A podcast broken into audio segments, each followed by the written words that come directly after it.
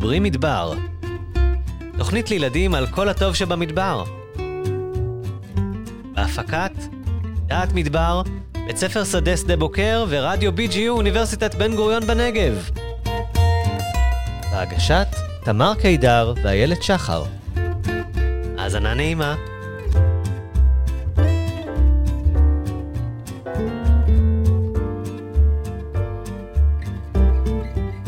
מי אוהבים לחיות בחבורה? למי יש זנב ארוך שיכול לגעת גם ברצפה? מי חיים על עצים נמוכים ובין שיחים? היום בתוכניתנו מדברים מדבר, נדבר על הזנוונים. היי איילת! שלום תמר, מה קורה? מה בסדר קורה? גמור, אני ממש שמחה שאנחנו מקדישות היום תוכנית שלמה לזנוונים. הם כאלה חמודים ומאוד מסקרנים. אני ממש אוהבת לשבת ולהתבונן בהם. הם גם מצחיקים וגם קשקשנים כאלה. שמעת אותם פעם, את הציוץ כן, שלהם? הם מלא מלא ציוצים, ציוצים. זה נורא נחמד, באנגלית קוראים להם בבלרס. ובעצם בבלר זה קשקשן. כי הם מקשקשים. נכון. מדברים זה... ומקשקשים. ואת יודעת שהזנוונים נחשבים לשוכני קבע, כלומר, הם לא נודדים. הקבוצות שלהם שומרות על טריטוריה קבועה ומגינים עליה. ובית הגידול האופייני לזנוונים הוא מדבר חם, שבו יש עצים נמוכים ושיחים פזורים, כי הזנוונים זקוקים לעצים ושיחים לצורך כינון וכעמדות תצפית. נשמע לי שלמדת, נשמע לי שלמדת די יפה על הזנוונים האלה. בטח, זה נושא ממש מעניין. אבל אל תיעלבי, אני אזמין לפה חוקר, את דוקטור עודד קינן, שיגיע לפה כל הדרך מהערבה, והוא, תדעי לך, הוא אלוף הזנוונים. אז שלום לדוקטור עודד קינן. אה, אתה אקולוג וזואולוג, חוקר במו"פ מדבר וים המלח, ומנהל המרכז לימודי מדע, חקלאות וסביבה בערבה. אהלן, אהלן, אהלן, איזה כיף שעשית את כל הדרך הזאת לכבודנו. איזה כיף להיות פה, ממש. אה, עודד, אותי מאוד מסקרן, בתור התחלה, איך בכלל הגעת לכל הנושא הזה של זנוונים? אז uh, זה סיפור ארוך, כי בעצם הסיפור האמיתי הוא איך בכלל הגעתי למקום של ציפורים, כי um, זה משהו שמלווה אותי כבר הרבה מאוד שנים, לא רק הזנוונים, וזה בעצם התחיל ממורה, מורה לטבע, בכיתה ד'. בבית ספר? בכיתה כן, ד'. לגמרי. ילדים, בכיתה אתם ד'. שומעים את מה שעודד אומר פה? תקשיבו מהמם, למורות. מהמם, לגמרי. והיא לקחה אותנו ולימדה אותנו, והייתה לנו מין פינת חי קטנה כזאת בבית ספר בכפר סבא. ולאט לאט נדלקנו על העניין, והקמנו כמה חבר'ה חבורת טבע, והסתובבנו בפרדסים של כפר סבא והוד השרון, כשעוד היו כשעוד פרדסים. היו. בכפר לפני הבניינים שאתם גרים בהם, בדיוק. היו פרדסים. בדיוק, אז. אה, ולאט לאט נדלקנו על העניין של הציפורים, והמורה לקחה אותנו עוד, ולקחה אותנו ליום עיון של ציפורים, לפגוש את פרופסור יוסי לשם, שאז היה הרבה יותר וואו. צעיר. כן, כן. הוא, הוא אגדה. לגמרי, ו- לגמרי. אגדה חיה, כמו שאומרים. אה, איש מדהים. ומתוך הקבוצה הזאת, שאנחנו חמישה, שישה, עד היום יש לפחות שניים שממש עוסקים במקצוע של צפרות ו- והתחום הזה, ועוד אחד, שניים שחיים, ב- עוסקים בדברים שקשורים לטבע. אז זה ממש הצליח. יואו. איזו כן, מורה, כן. כל הכבוד לך. ואז לזנוונים, בכלל הגעתי בצבא, הייתי בנחל והייתי יורד בחופשות בתחנה המרכזית הישנה, והחנות של החברה להגנת הטבע הייתה שם, הייתה להם חנות מדהימה, והייתי תמיד עובר לראות אם יש איזה משקפת חדשה או משהו כזה מגניב. איזה יופי. ויום אחד, זה כבר היה לפני הרבה שנים, לא רוצה לציין כמה, תפס את עיניי ספר מאוד מאוד קליט בחלון ראווה, קראו לו טווסים, אלטרואיזם ועיקרון ההכבדה, מאת אמוץ ואבישג זהבי.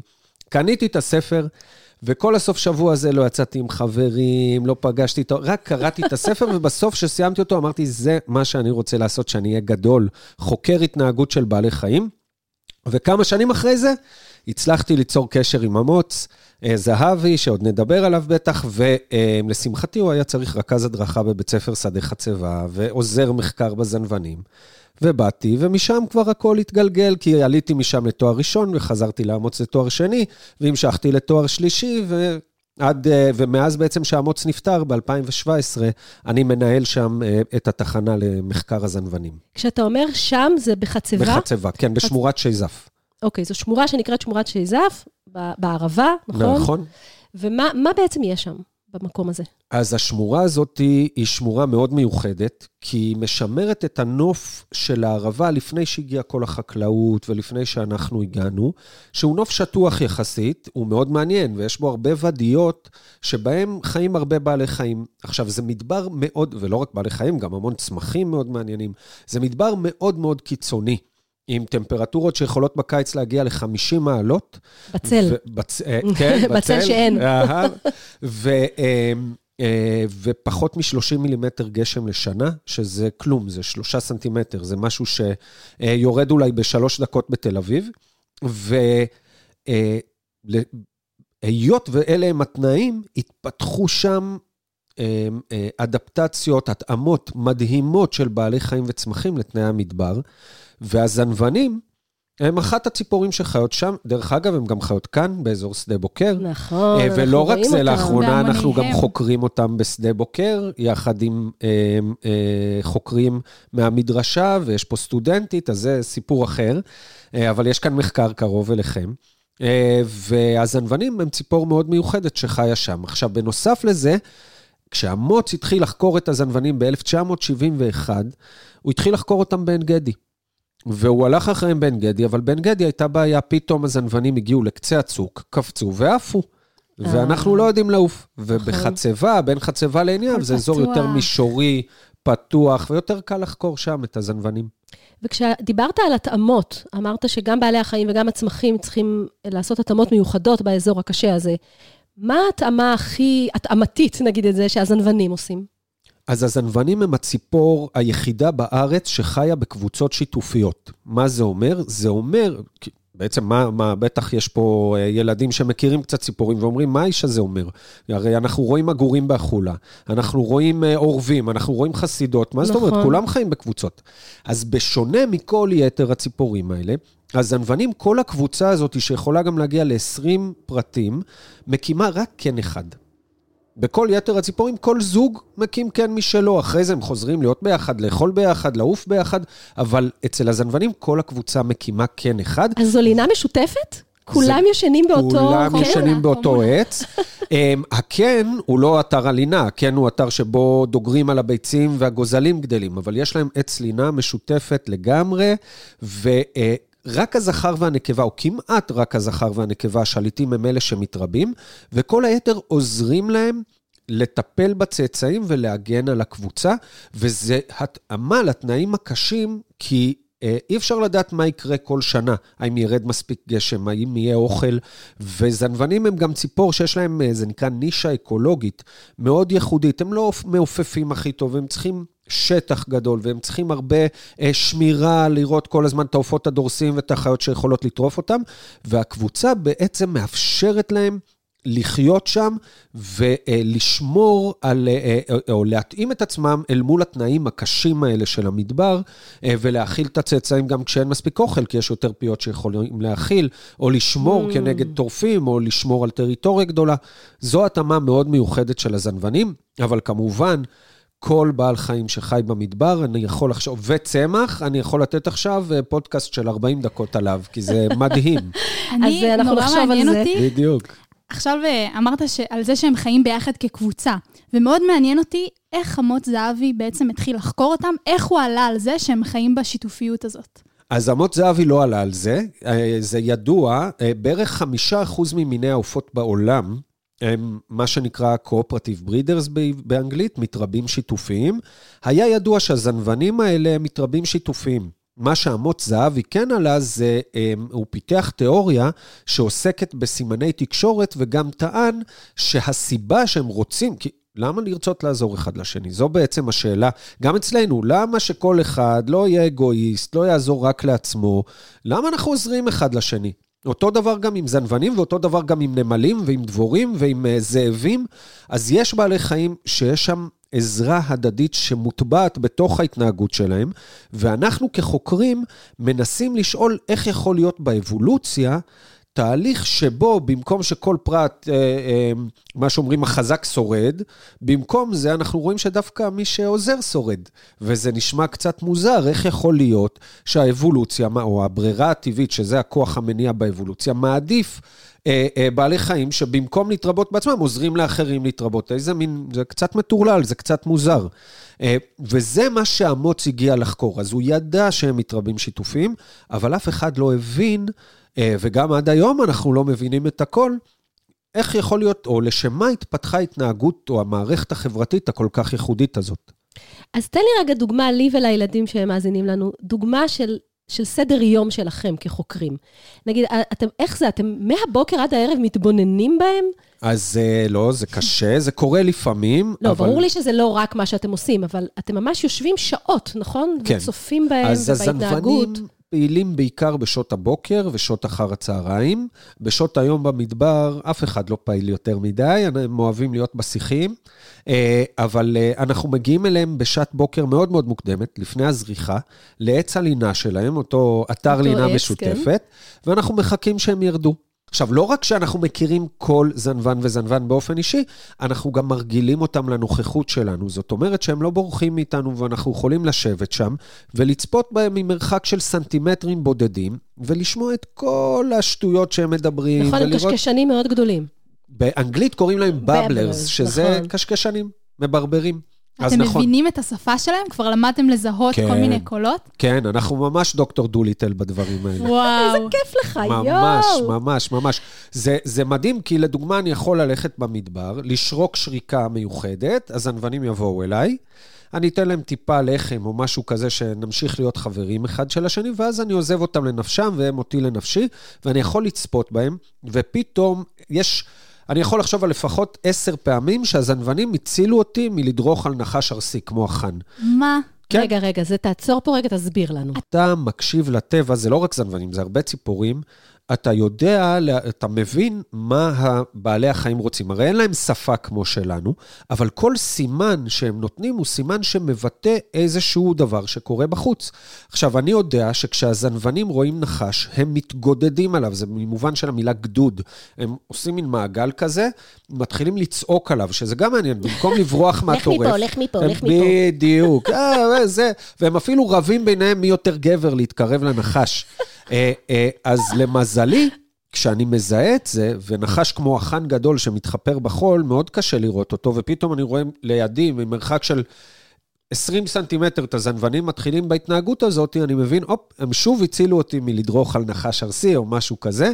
כמובן שגם נעליים סגורות ומכנסיים ארוכות גם עוזר לעניין אז הזה. זהו, אז רציתי לשאול אותך באמת על זה גם, אפשר לבוא לבקר אצלכם? זאת אומרת, אם בטח. אני, אנחנו קבוצה של ילדים, או כיתה, או משפחה שרוצה לבוא ולראות, זה... לגמרי. קודם כל יוצרים קשר עם בית ספר שדה חצבה, יש שם צוות מדריכים, אה, וגם אנחנו, שאנחנו אה, אה, עושים סיורים לזנבנים ומספרים ומסבירים, ואז יוצאים בחמש בבוקר, צריך לקום לקום מוקדם, מוקדם, אוקיי. ויושבים, משקפת? והזנבנים... צריך משקפת או שלא?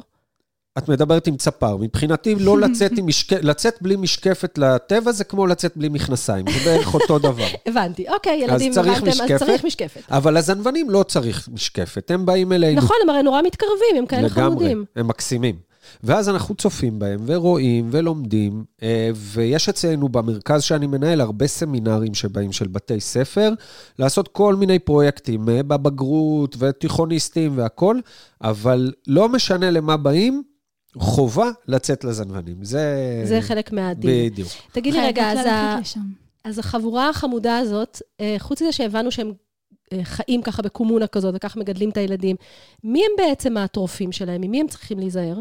אז יש הרבה. קודם כל, עופות דורסים. ציפור כמו נץ מצוי, אה, במיוחד בתקופת החורף, כי היא חורפת אצלנו, היא נמצאת בחורף, היא יכולה בקלות לטרוף זנבנים. הזנבנים, שוב, הם לא מעופפים טוב, ולכן תמיד, לא תמיד, אבל בהרבה מקרים הם מעמידים שומר. פרט אחד מהקבוצה עוזר לכל הקבוצה, במקום לאכול עולה לראש העץ, ומתריע כאשר מגיע עוף דורס, או שהוא רואה איזשהו אה, טורף אחר. הם שומרים לו צלחת לאחר כך?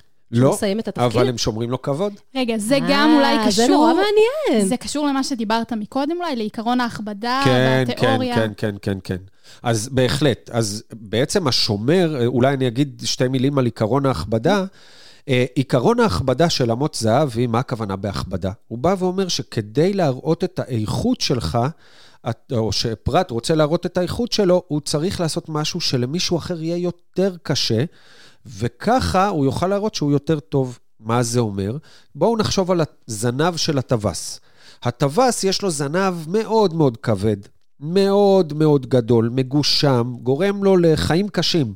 אבל כשהטווס רוקד לנקבה, הוא יכול להראות לה, תראי איזה זנב מדהים יש לי, לא נטרפתי, לא נפגעתי, הוא לא נהרס, הנוצות במקומן, Mm. העיניים צבעוניות. כדאי לך לצאת איתי. בדיוק, אני יותר טוב מהזכר ליד שיש לו איזה נוצה שבורה או משהו כזה.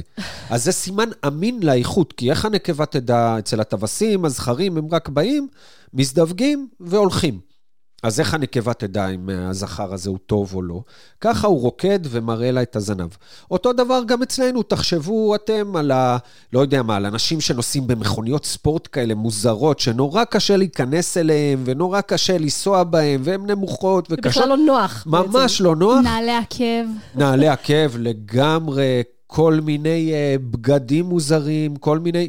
אז אנחנו גם הזמן- קצת כמו הזנוונים והטווסים. אנחנו כמו כל החיות, כי לפי עיקרון ההכבדה, כל, הח... כל תקשורת בטבע, אם אנחנו רוצים שהיא תהיה אמינה, שנוכל להאמין לה, היא כזאתי. גם השומר של הזנוונים מסכן עומד את למעלה... עצמו. בדיוק. אבל רגע, זה מטריד אותי, אז הוא נשאר רעב? אני לא מבינה. הוא... אז קורה משהו מאוד שורד מיוחד. בכל זאת. אז את יכולה אה. לצאת איתו, כי הוא שורד, כי הוא גם לא אכל, גם שמר על כולם בלילה וסיכן את עצמו, והוא עדיין חי. תותח. אצלנו קוראים לזה רמטכ"ל, ואצלם קוראים לזה שומר. אז, אה, אה, אבל זה נכון, כי קודם כל לא כל הזמן יש שומר, ודבר שני, השומר גם יכול להתחלף. אה, ואנחנו רואים הרבה שזנוונים מאכילים אחד את השני, לא רק בשמירה גם, ולא רק צעירים. זאת אומרת, הם לא מאכילים רק את הגוזלים, הם מאכילים בין הבוגרים, ותמיד הבכיר יותר יאכיל את הנחות יותר. לא יקרה מצב, אם יש מצב הפוך, זה ממש קריאה למרד, זה לבוא ולהגיד, אני חושב שאני יותר חזק ממך, ואז אוי ואבוי. וואי, זה, זה ממש חברה מורכבת. זאת אומרת, מאוד. ממש עם אה, קודים אה, התנהגותיים, היררכיה מאוד ברורה. לגמרי. זה מרתק. שאפשר לגמרי. לראות אותה, נגיד אני עכשיו הולכת ורואה חבורה של זנוונים, שהם קרובים אליי והם לא מטובעים. אז אני יכולה להבחין בכל ה... יהיה לך קשה. יהיה, קש... יהיה לי כן. קשה להבין מי יותר נחות ומי יותר... את תוכלי לראות, אבל אם הם לא מטובעים, אז דקה אחרי זה שהם מתערבבים, כבר לא תדעי מי לא זה מי. אבל גם אם תטבעי אותם, צריך לתת לזה זמן ולהבין אה, מי מאכיל את מי, ומי הם אלה ש... אה, אה, מי הם הדוגרים, מי הם אלה ששומרים יותר, ודרך זה אנחנו יכולים ללמוד. רוב קבוצות הזנוונים הם משפחות. אבא, אימא וצאצאים, וכמו אצל בני אדם, הצאצאים לא מתרבים כמובן עם ההורים שלהם ולא עם האחים שלהם. אז זה די פשוט, יש אבא ואימא וכל הצאצ... הילדים עוזרים להם לגדל את האחים הקטנים. אבל לא. כל, ה, כל הקבוצה עוזרת לגדל את ה... נכון. אם אני הבנתי נכון. אז הקבוצה היא משפחה, ברוב המקרים. ואני יכול להגיד לך שכל ציפור שתבחרי כאן, הזנוונים הם באמת מעניינים ומרתקים, אבל כל ציפור שתיקחי כאן, ברגע שתשימי טבעת ותתחילי לעקוב אחריה, תגלי עולם ומלואו. שמחקרים קורים פה על ציפורים, פשוט לא ייאמן. ואני, נניח בתואר השני, בכלל חקרתי ציפור אחרת, חנקן, שמשפדת את הטרף על הקוצים, וזה אוי. היה שלוש שנים מטורפות, שלא האמנתי שהציפור הזאת היא בכלל מסוגלת להתנהגות כזאת. אז כל, אני מציע לכל ילד לעקוב אחרי הציפורים בחצר שלו, לא לשים טבעת בלי אישור, אבל כן לעקוב ולגלות עולם ומלואו שפשוט לא יאמן. אתם מפסידים ילדים את העיניים הנוצצות של עודד כשהוא מדבר על מה שהוא מדבר. יש לי אה. שאלה לגבי, ה... מרתק. לגבי הזנוונים, רק בשביל לוודא, הם בסכנת הכחדה? לא. הם אה, ציפור מקומית מדברית, הם חיים רק במדבר. הם לא בסכנת הכחדה, למרות שכן יש ירידה באוכלוסייה, בגלל שהחקלאות שנכנסה וההתיישבות שנכנסה מושכת מינים פולשים, משנה את האזור.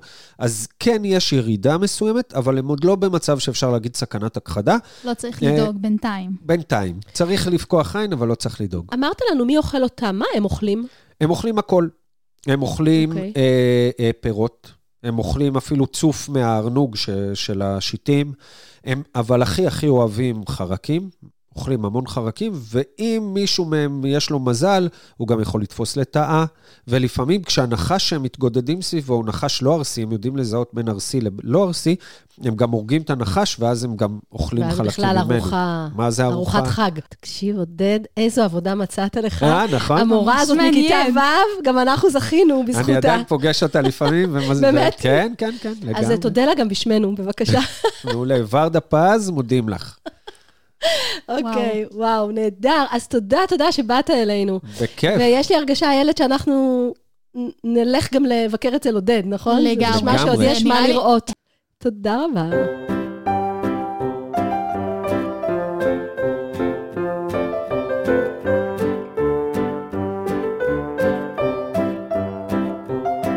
וואו, ממש מעניין כל מה שעודד אה, לימד אותנו. ממש מרתק. ובעיניי, מה שהכי מקסים מכל מה שלמדנו מעודד, זה איך כל הפרטים אצל הזנוונים משתתפים בטיפול של הצאצאים. אני, תדמייני לעצמך שגם את היית מגדלת את הילדים שלך בקומונה עם מלא אנשים שעוזרים לך מסביב. אה, אני אחשוב על זה, אני אחשוב על על הרעיון הזנווני הזה. אה, בינתיים, אז בזמן שאני אחשוב על ההצעה שלך, אה, בוסי כבר נכנס לאולפן כדי לספר לך ולילדים אגדה על זנוונים. שלום ילדים. היום אספר לכם על זוג זנוונים ששמותיהם הם איכץ וציחה. שמות משונים, נכון? השמות האלו ניתנו להם על ידי האיש שחקר אותם במשך שנים רבות.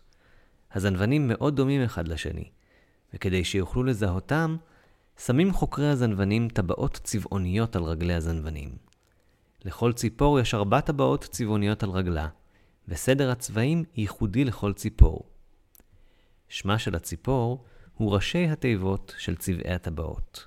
כך, הציפור שעל רגלה יש טבעות בצבעי אדום, ירוק, כחול, צהוב, מכונה, איכץ. וזו שסדר הטבעות שלה צהוב, ירוק, כחול, אדום, מכונה, ציחה. ליד עץ שיזף גדול, בערבות השיטים שליד חצבה שבערבה, חייתה קבוצת זנוונים. בגלל עץ השיזף, כונתה הקבוצה על ידי החוקרים זנווני השיזף. איכץ וציחה. הם זנוון וזנוונית צעירים מהקבוצה הזו. ציחה. היא צעירה, יפה וזריזה, ארוכת זנב ורקת נוצה. ואיכץ. הוא זנוון נאה, אבל קצת קל דעת, והוא מאוד רוצה להרשים את... ציחה. המנהיג של הקבוצה היה, יאיה. נחשו מה סדר הטבעות שעל רגלו? הוא היה זנוון מבוגר מאוד, שהיה נבון וחזק והגן על קבוצת הזנוונים שלו. זנווני השיזף חיו חיי שיתוף מלאים. הם אכלו כל בוקר ביחד, עשו אמבטיות אבק ביחד, נחו בין ענפי העץ ביחד, וגם גידלו ביחד את הגוזלים בקן של הקבוצה.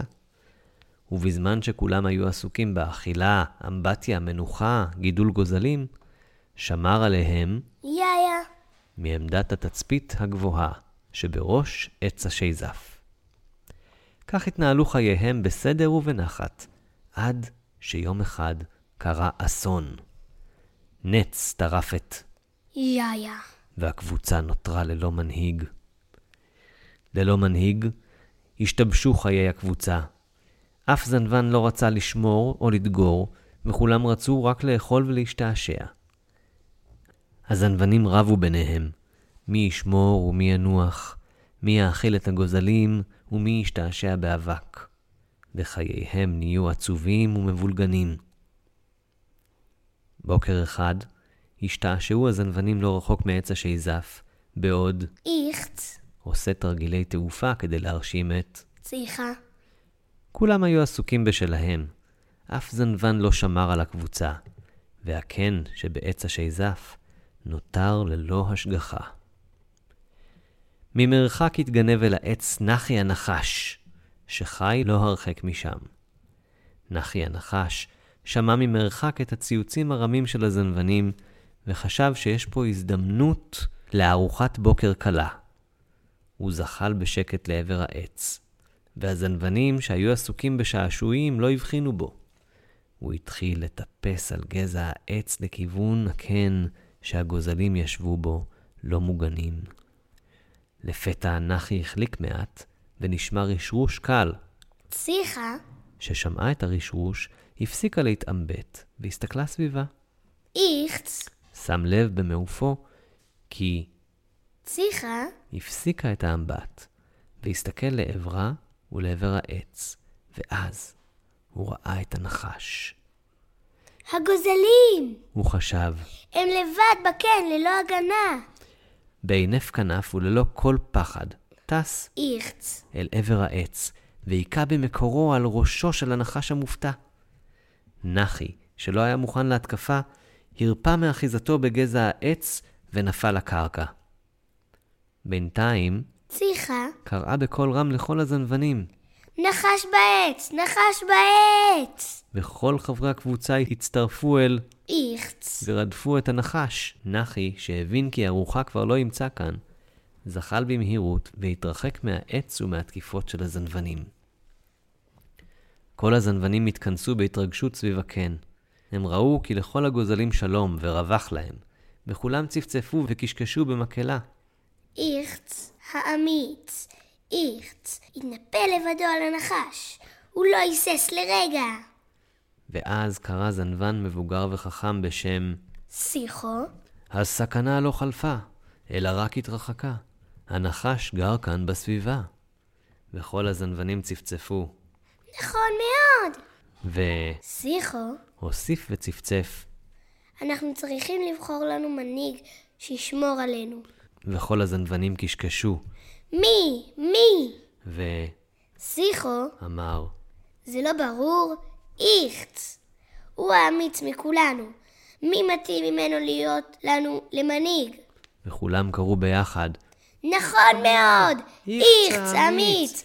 איכץ המנהיג! וכך היה. ומה ציחה, היא אמרה? ציחה, לא אמרה כלום, ונתנה איכץ, לנוצה רכה וארוכה מתוך זנבה.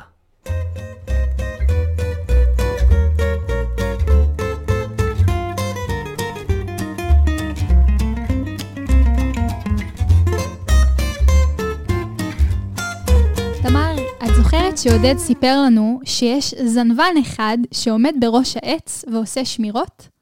ברור, ההוא שלא אוכל. אז רציתי לספר לך שגם כשאני מטיילת עם קבוצות, אנחנו עושים שמירות בלילה, מסביב למדורה. וזה לא קצת מפחיד לשמור לבד בלילה כשכולם ישנים? אז אנחנו עושים את זה בזוגות בשביל לא להיות לבד. אה, ואנחנו מסביב למדורה, ואנחנו מסתכלים שאין חיות שבאות לאכול מהאוכל, שלא מגיעים אה, אנשים ומתקרבים אלינו. ואתם שומרים. מתחלפים, נכון? לא כל הלילה. בטח. בטח. בדיוק כמו עם הזנבנים, אנחנו קבוצה ושומרים אחד על השני, ובמהלך הלילה אנחנו מתחלפים. מצוין. אז טוב שהזכרת טיולים וטוב שהזכרת שמירות, כי אברהם כבר פה לפינת מיומנויות השטח שלו. ואפילו יצא לי לשמור איתו בלילה. תכף אנחנו נשאל אותו. שלום, אברהם. שלום, תמר, מה שלומך? שלומי מצוין. תגיד לי, אני סקרנית. איילת אמרה שכשאתם מטיילים ביחד, אתם אה, שומרים. נכון. כן, זה יצא נכון. לכם ככה, אתה באמת זוכר שמירות לילה כאלה? ממש, אני ואיילת, היה לנו טיול שטיילנו ביחד עם החניכים שלנו, ולא היו הרבה חניכים ולא רצינו שהם ישנו מעט בלילה, אז גם אנחנו שמרנו ביחד איתם בלילה. אה, נכנסתם לסבב. לגמרי, וזה ממש נחמד שתמיד כשמישהו קם באמצע הלילה, הוא יודע שיש אנשים שליד המדורה, שאם הוא צריך משהו אז הוא הולך אליהם. ממש זנבנים. אתם. כמו שהזנבנים חיים. אה, טוב, אז אה, על מה אתה מספר לנו היום? היום נכיר שימושים שונים של צמחים במדבר. לפני שנתחיל, אני אשאל אתכם שאלה. איך מזהים צמח כדי שנדע בוודאות שאנחנו לא משתמשים בצמח רעיל או מגעיל? האמת שאין לי מושג, ובגלל זה אני כל כך שמחה על הפינה הזאת שלך. אז אני אספר. לזיהוי צמחים אנחנו קוראים להגדיר, או הגדרת צמחים. נכון, יש את הספר, אתה מגדיר צמחים, נכון? מעולה, אז אפשר לעשות זאת באמצעות ספרים שנקראים מגדירים, כמו שאמרת, או אתרי אינטרנט, היום הכל אפשר לעשות גם באינטרנט. ובעצם הם עוזרים לנו על ידי מספר גורמים, כמו הצבע של הפרחים והגודל של השיח, האזור מאפיינים. של התפוצה שלו, נכון, מעולה. אה, הצורה של העלה למשל. משתמשים בכל המאפיינים האלה, כמו שאמרת, כדי להבין איזה צמח זה בצורה ודאית.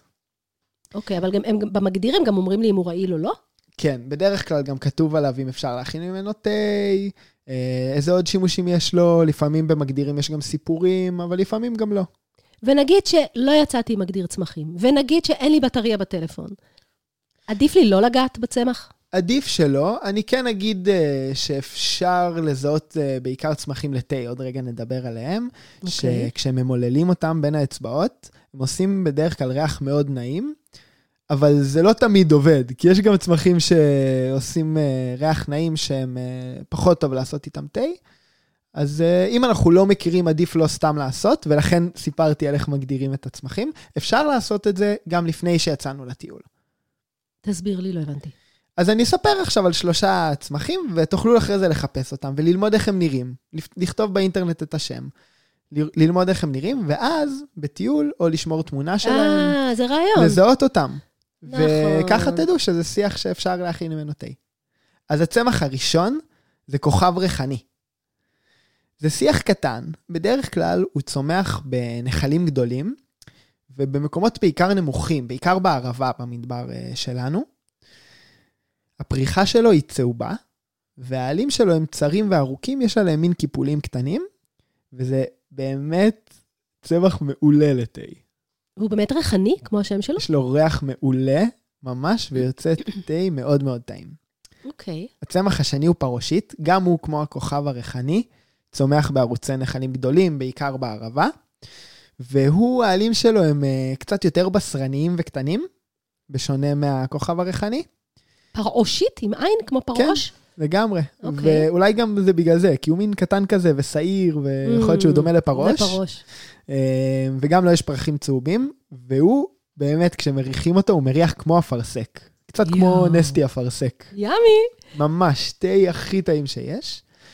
הצמח השלישי הוא גם מאוד מיוחד, קוראים לו לענת המדבר, ובשונה משני הצמחים הקודמים, הוא גדל אה, באזורים גבוהים, באזור של הר הנגב והרכסים של הנגב. אז אצלנו.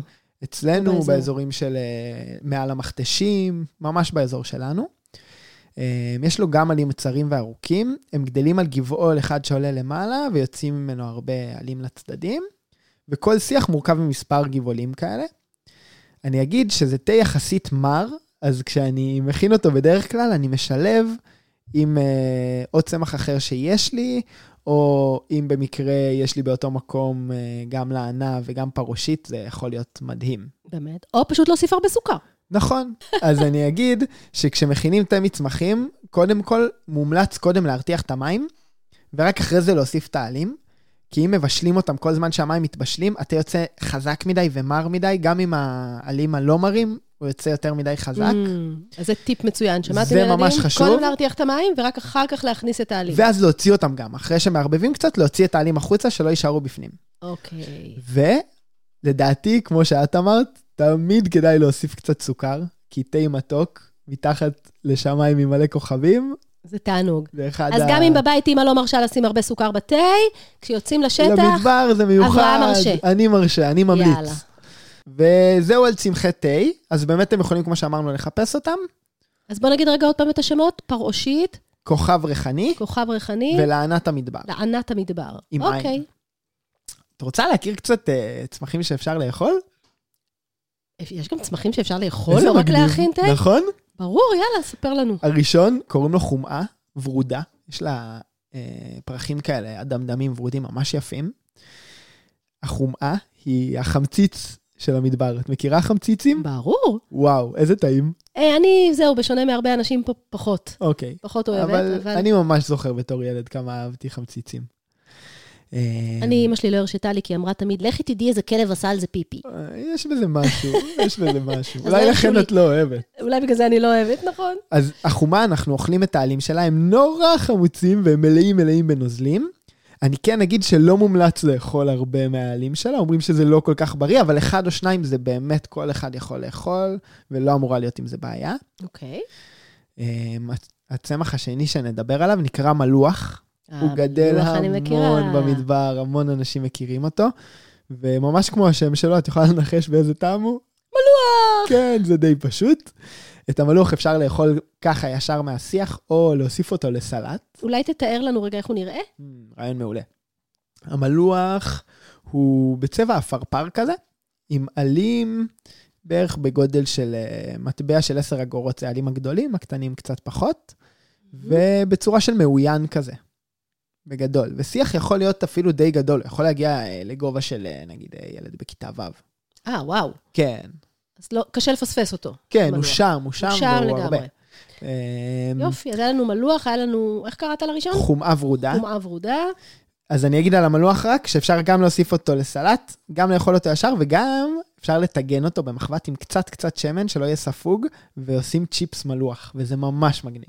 וואי. ממש אז זה מגניב. מתאים לפיתות מהפרק הקודם, לגמרי. אז אולי כבר עושים ארוחה. יאללה, לגמרי. נהדר. הצמח השלישי שאני אספר עליו, קוראים לו רכפתן. הוא נראה, יש לו מין אה, מקלות כאלה ארוכים ודקים, שהם העלים שלו בעצם, קצת כמו הרותם, קוראים לזה רוטמיות, שיש Mm, עלים. נכון. אה, ארוכים ודקים. והרכפתן הוא מתוק. שזה ממש מגניב, כי בדרך כלל צמחים במדבר הם לא הופכים להיות מתוקים, כי הם לא רוצים שיאכלו אותם, כי זה, הם רוצים לשרוד, כי במדבר קשה לשרוד. ואוכלים את הפירות. שלו. אוקיי, איך הם כן, נראים? רכפתן עם כף ותף, אם אתם מחפשים. אוקיי. יש לו פירות קטנים, אה,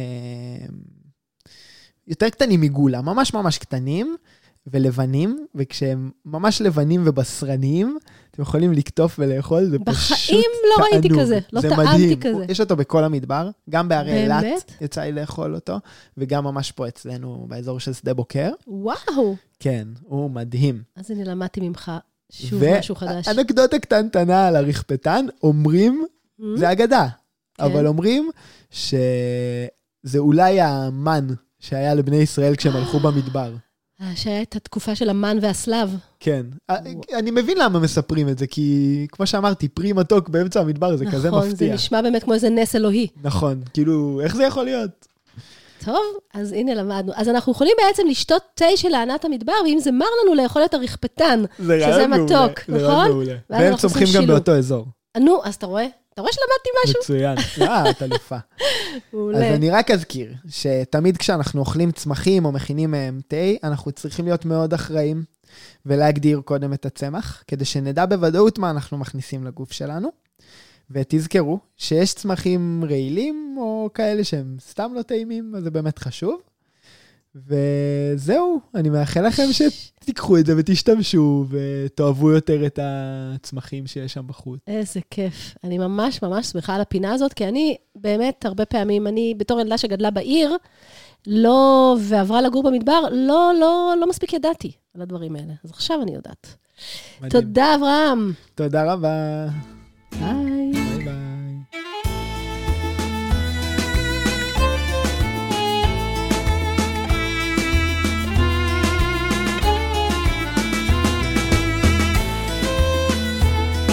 סיפרת לי בתחילת התוכנית שאת אוהבת להתבונן בזנבנים.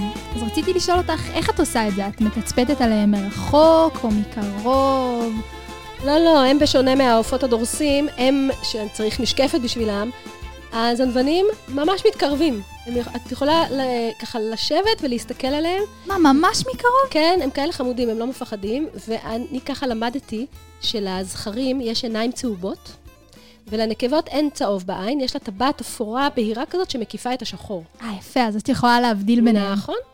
ורציתי לשאול אותך, אה, האם הזנב של הזנבנים באמת כזה ארוך? כי ראית אותם מקרוב. ממש ארוך. אה, את יודעת שאומרים שהוא מגיע עד כמעט 30 סנטימטרים, או-אה. ובגלל זה כמובן קוראים להם זנבנים. מעניין אם יש עוד הרבה ציפורים שיש להן זנב ארוך. וגם למה בכלל הן צריכות זנב ארוך? אז אה, תכף אנחנו נשאל את מידד ומעיין, שכבר אה, הגיעו לאולפן ומחכים שנזמין אותם להיכנס. שלום למידד ומעיין. שלום. שלום, מה שלומכם? מה עשיתם היום? בסדר. מה עשינו מה היום? עשית היום, מעיין? הלכתי לחברים. נכון. איזה כיף, אז יום חופש מהגן. נכון. אה, אז אנחנו היום בתוכנית מדברים על זנבנים, ורצינו לשאול אתכם, כבר אני ותמר תהינו לנו, מה הסיפור עם הזנב הארוך הזה של הזנבנים? אתה יודע, מעיין? הזנב, אנחנו דיברנו על זה בדרך, לפני כמה ימים דיברנו על הזנב של הזנבן, ובכלל הזנבות של ציפורים. אמרנו, אולי אנחנו נדבר קצת על זנבות של ציפורים. אנחנו יודעים שלזנבן הוא קרוי זנב, זנבן בגלל הזנב הארוך שלו, והזנב שלו מזדקר למעלה, וזנב יש לו תפקיד מאוד חשוב אצל ציפורים. אבל, זה מעניין, אתה זוכר, כששאלתי אותך למה, ממה עשוי הזנב של הציפורים? אתה זוכר ממה עשוי בעיקר? מנוצות. הוא, אה, אה, יש לו, הזנב של, ה, של הציפור, זה אמנם שריר, שמצוי באחורי, מתחת בגב התחתון, וממנו אליו מחוברות נוצות, והנוצות האלה אנחנו קוראים להן נוצות הזנב. נכון? עכשיו, לציפורים יש בדרך כלל בין 10 ל-12 ככה נוצות זנב. אה, יודעים, סופרים, יצא לך פעם לספור נוצות של ציפורים, מעיין? אתה ספרת פעם, אבל יש לנו בבית אוסף של נוצות, נכון? כן. מעולה. ומעיין, תגיד, למה בכלל הזנב עוזר לציפורים? כי הוא כמו הגה הזנב. כמו הגה של מכונית? כי הזנב הולך לשם, אז הציפור הולכת לשם. הבנתי, אז ככה הן יכולות לכוון את התעופה שלהם ולהבין לאן הן צריכות להגיע. והוא עוזר בעוד דברים? הוא עוזר לעוף. לעוף. נכון, נכון. הזנב של הציפור הוא חלק בעצם מה, מהגוף, הוא מאוד, חשוב, מאוד חשוב. ציפורים, יש ציפורים שעפות מאוד מהר, נגיד רודפות. יש ציפור שנקראת נץ. הנץ רודפת אחרי ציפורים קטנות, שיכולות לעוף מאוד מאוד זריז ולשנות כיוון מהר מאוד. אז ההגה של, ההגה, הזנב בעצם משמש כמו הגה, הוא יכול לפתוח. בגלל שזה נוצות, יש לו עשר נוצות או 12 נוצות, יש לחלק מהציפורים, אז ברגע שהוא פתאום, הוא יכול לפתוח אותו מזנב צר, צר, צר, שעוזר לו לעוף מהר, הוא רוצה פתאום לשנות כיוון, הוא פותח את, ה, את כל הנוצות, פורס אותם כמו מניפה, כמו המניפות של ה... נכון? יש מניפות שעושות רוח? ככה הוא פותח את זה, וזה עוזר לו, זה בולם, זה, זה כמו ברקס כזה. וככה הוא יכול לבלום ולשנות מהר כיוון עם הכנפיים, ולעוף לצד שני. אז זה בעצם תפ... תפקיד מאוד חשוב יש לזנב אצל לגמרי, הציפורים. לגמרי, יש ציפורים שמשוויצות. לדוגמה, איזה ציפור יש לה זנב גדול גדול והיא פותחת אותו, והוא משווה, ומלא מלא צבעים? אתה זוכר? לא. טווס. טווס, ואתה חושב, מעיין, שזה של הטווס יש נוצות גדולות, גדולות, גדולות, זה עוזר לו בחיי יום-יום? זה קל לו ללכת ככה עם נוצות כאלה גדולות? קל לו לעוף? לא. לא. לא. אז מעניין, אז למה בכלל יש לו נוצות כאלה גדולות? זה דווקא קשור לשיחה אולי שהייתה לכם עם אה, עודד. כן, הילד כבר הספק לשכוח, עודד נכון, סיפר לנו על זה. נכון. נכון. הזנב הגדול זה אומנם יופי של אה, שוויץ לבנות, תראו איזה יופי ל- לנקבות, תראו איזה יופי של זנב יש לי. מצד שני, קשה לו מאוד לעוף. אז פה נכנס עיקרון שאנחנו קוראים לו עקרון ההכבדה. נכון, דיברנו על זה? כבר עם עודד. שדיברתם כן. עליו. והטווס הוא כזה. טווס, אה, זה, אה, יש לו את הזנב הגדול, יש עוד ציפורים. ואולי אחד מהתפקידים האחרונים של, אה, של הזנב, שלא הרבה מכירים אותו, זה אה, תמיכה. מה זה אומר? יש ציפורים שנקראות, אה, אה, מעיין, אתה זוכר איזה ציפור מנקרת בעץ? נקר. נכון. נקר. נקר, הוא עושה הכל על העץ, הוא עומד ממש עם, ה, עם הבטן אבל הוא והפנים מנקר לכיוון עם העץ. המקור. הוא מנקר עם המקור. אבל כל מכה כזאת, כל התנועה צריכה, צריך להחזיק. צריך להחזיק את העץ, נכון? עכשיו, יש לו לא ציפורניים חשבתי חדות, על זה. אבל כשהוא נותן את המכה, הוא צריך תמיכה. הזנב מייצב אותו? הזנב של הנקר, אם יצא לכם אה, להחזיק אה, נקר או לראות נקר באחת מתחנות הטיבוע של, של, אה, של מרכז הצפרות, אז אתם תראו שהנוצות שלו מאוד מאוד חזקות. ממש ממש ממש חזקות וכמעט בלתי שבירות. זאת אומרת שהוא מזיז את הראש עם המקור כדי לנקר, והזנב, מה הוא נשען על שמייצב הזנב. אותו בעצם, הוא נשען נכון, על הזנב כן, מאחור? זה בדיוק, גאוני. בדיוק. כך הוא מייצר שיווי משקל. נכון, נכון, נכון. עכשיו, ציפורים שיפות וצריכות לדאות רחוק, פותחות את הזנב כשהן רוצות לתפוס את הגובה. אנחנו דיברנו, תסתכלו, תקשיבו לפודקאסטים קודמים, אנחנו דיברנו על ציפורים שדאות. הן צריכות ממש לפתוח את הכנפיים ולפתוח את ה... בדיוק, כמו מפרש, מעיין עושה תנועה של אני מפרש. עושה פה תנועות, ילדים, אתם אז לא גם רואים? הזנב, כשהם פותחים את הזנב, זה עוזר להם לעילוי, זה עוזר להם ל- להתרומם לכוח העילוי. בעצם לדאות. בדיוק, כן, כן. איזה יופי. אז לסיכום של דבר, סיכומו של דבר, זנב הוא חשוב מאוד לציפורים. ואנחנו... למרות זה, יש ציפורים שאין להם זנב כמעט, שנוצות זנב ממש, ממש זהו, ממש רציתי קטנות. לשאול את זה, נכון, שיש להם ממש ממש פיצי. נכון. יש לך שם בשבילנו? אה, אני, יכול לחשוב ככה על אה, פינגווין שאין לו, אני יכול לחשוב על אה, קיווי שכמעט ואין לו זנב. כן, יש מספר לא, לא מבוטל של מינים של ציפורים שאין להם זנב, כי הזנב לא. לא, לא שמש, אין להם צורך בו, ואז הנוצות האלה לאט לאט פשוט מצאו את דרכן החוצה, כי הן היו מיותרות. מצאו את דרכן החוצה בתהליך של האבולוציה, אתה בדיוק, מתכוון. כן. תגיד רגע, מידע, עוד שאלה אחת אחרונה. אז הזנוונים, הם בעצם, יש להם את הז- הם הציפור עם הזנב הכי ארוכה שיש? לא, מה פתאום. אז למה הם קיבלו את השם הזה, נכון. זנוונים? קודם כל, אצלנו, אצלנו בארץ אין הרבה ציפורים כאלה עם זנב ארוך. דרך אגב, אה, אה, ציפורי יער, הם, אה, יש הרבה מאוד ציפורי יער שמאופיינות בזנב ארוך, כאלה שצריכות לעוף בין הענפים ולשנות אז ולשנות כיוונים, אז ב- כן. ואין לנו הרבה יערות. בדיוק. אין לנו הרבה, יש ציפורים עם זנב שארוך יותר מהגוף שלהם, הרבה יותר, פי כמה וכמה. באמת? ויש ציפורים שבעונת הכינון או בעונת החיזור, הזכרים מגדלים נוצות מאוד מאוד מאוד אה, ארוכות, ואז נגמרת עונת הכינון, עונת החיזור. הם פשוט מורידים את נפטרים. התחפושת. כן, לגמרי. הם נפטרים מהנוצות. באמת? נפטרים, מגדלים נוצות. ואצל הזנוונים, מה התפקיד של הזנב?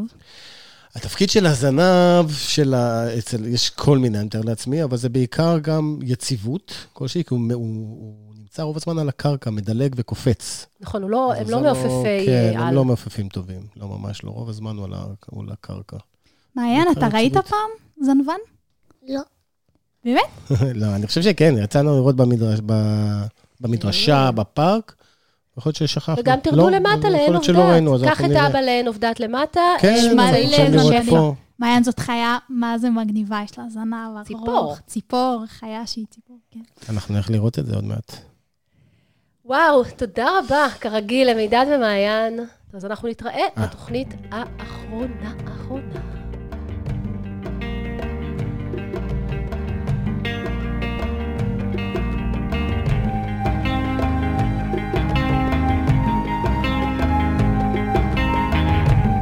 רגע, תמר, זה הפרק האחרון של העונה, לא?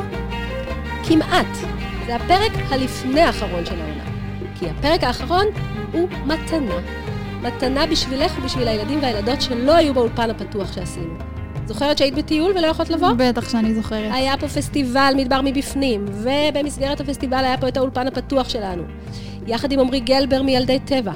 אז הפרק הזה, על המאובנים, עם ההקלטות של הילדים והילדות, הוא למעשה יהיה הפרק האחרון של העונה. אני ממש מחכה להקשיב לו ולשמוע איך היה פה באולפן הפתוח. אז גם לי יש מתנה בשבילך, לכבוד סיום העונה. אני לוקחת אותך איתי לטיול של יומיים בערבה. וואו, יומיים? טיול של יומיים יומיים? שלמים, הוא עשה לי חשק, עודד, לראות זנוונים, ושננסה לחקור אותם. יואו, איזה כיף לי. אני זוכרת שבעונה הקודמת, את יודעת, נסעתי עם זוהר לראיין ילדים מקיבוץ יוטבתה, שזה גם קיבוץ וואו. בערבה. והיה כל כך כיף. אני מתה על, על הדרך הזאת, על הנוף הזה. מפה עד ל... בכלל, הנוף של מדהים. הערבה. מדהים. איזה כיף. אז אני מציעה לך, תמר, לחזור להאזין לכל הפרקים, כדי שתדעי איך להתארגן לטיול. אני אקשיב לכל ההצעות של אה, אברהם, ובכלל. לכל מה שלמדנו. כל מה שלמדנו בכל העונה הזאת, ובכל העונה הקודמת. המון המון פרקים. מלא. איזה כיף. טוב, אז אה, ילדים, שמעתם? איילת מוציאה אותי לטיול של יומיים, אני כולי בהתרגשות, ואנחנו נישן אה, באוהל.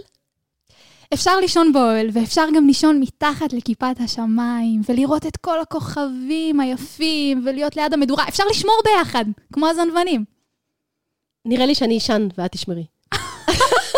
חשבתי שאנחנו ביחד קבוצה, כמו הזנוונים. לא קבוצה, אנחנו נוסעות רק אחת אנחנו. לשנייה. אז קדימה, בואי נצא לדרך. להתראות, ילדים. להתראות. כיף שהאזנתם לנו. תודה לצוות התוכנית. מפיקים, תמר קידר ודודו רשתי, מדעת מדבר. עריכה טכנית, דניאל למנסדורף. על המוזיקה המקורית, טל וגנר. מידד גורן, מגיש פינת הטבע. אברהם מילר מבית ספר שדה שדה בוקר, מגיש פינת מיומנויות השטח. צוות המערכת, הגר לשנר, עמרי גלבר ובוזי רביב, מנהל תחנת רדיו BGU. תודה מיוחדת לאבי עטר וזיו שרצר מבית ספר שדה שדה בוקר. פרופסור אוריאל ספריאל ואלי פלג מהאוניברסיטה העברית בירושלים. התוכנית הוקלטה באולפני רדיו BGU באוניברסיטת בן גוריון בנגב. כאן תמר קידר, ואיילת שחר.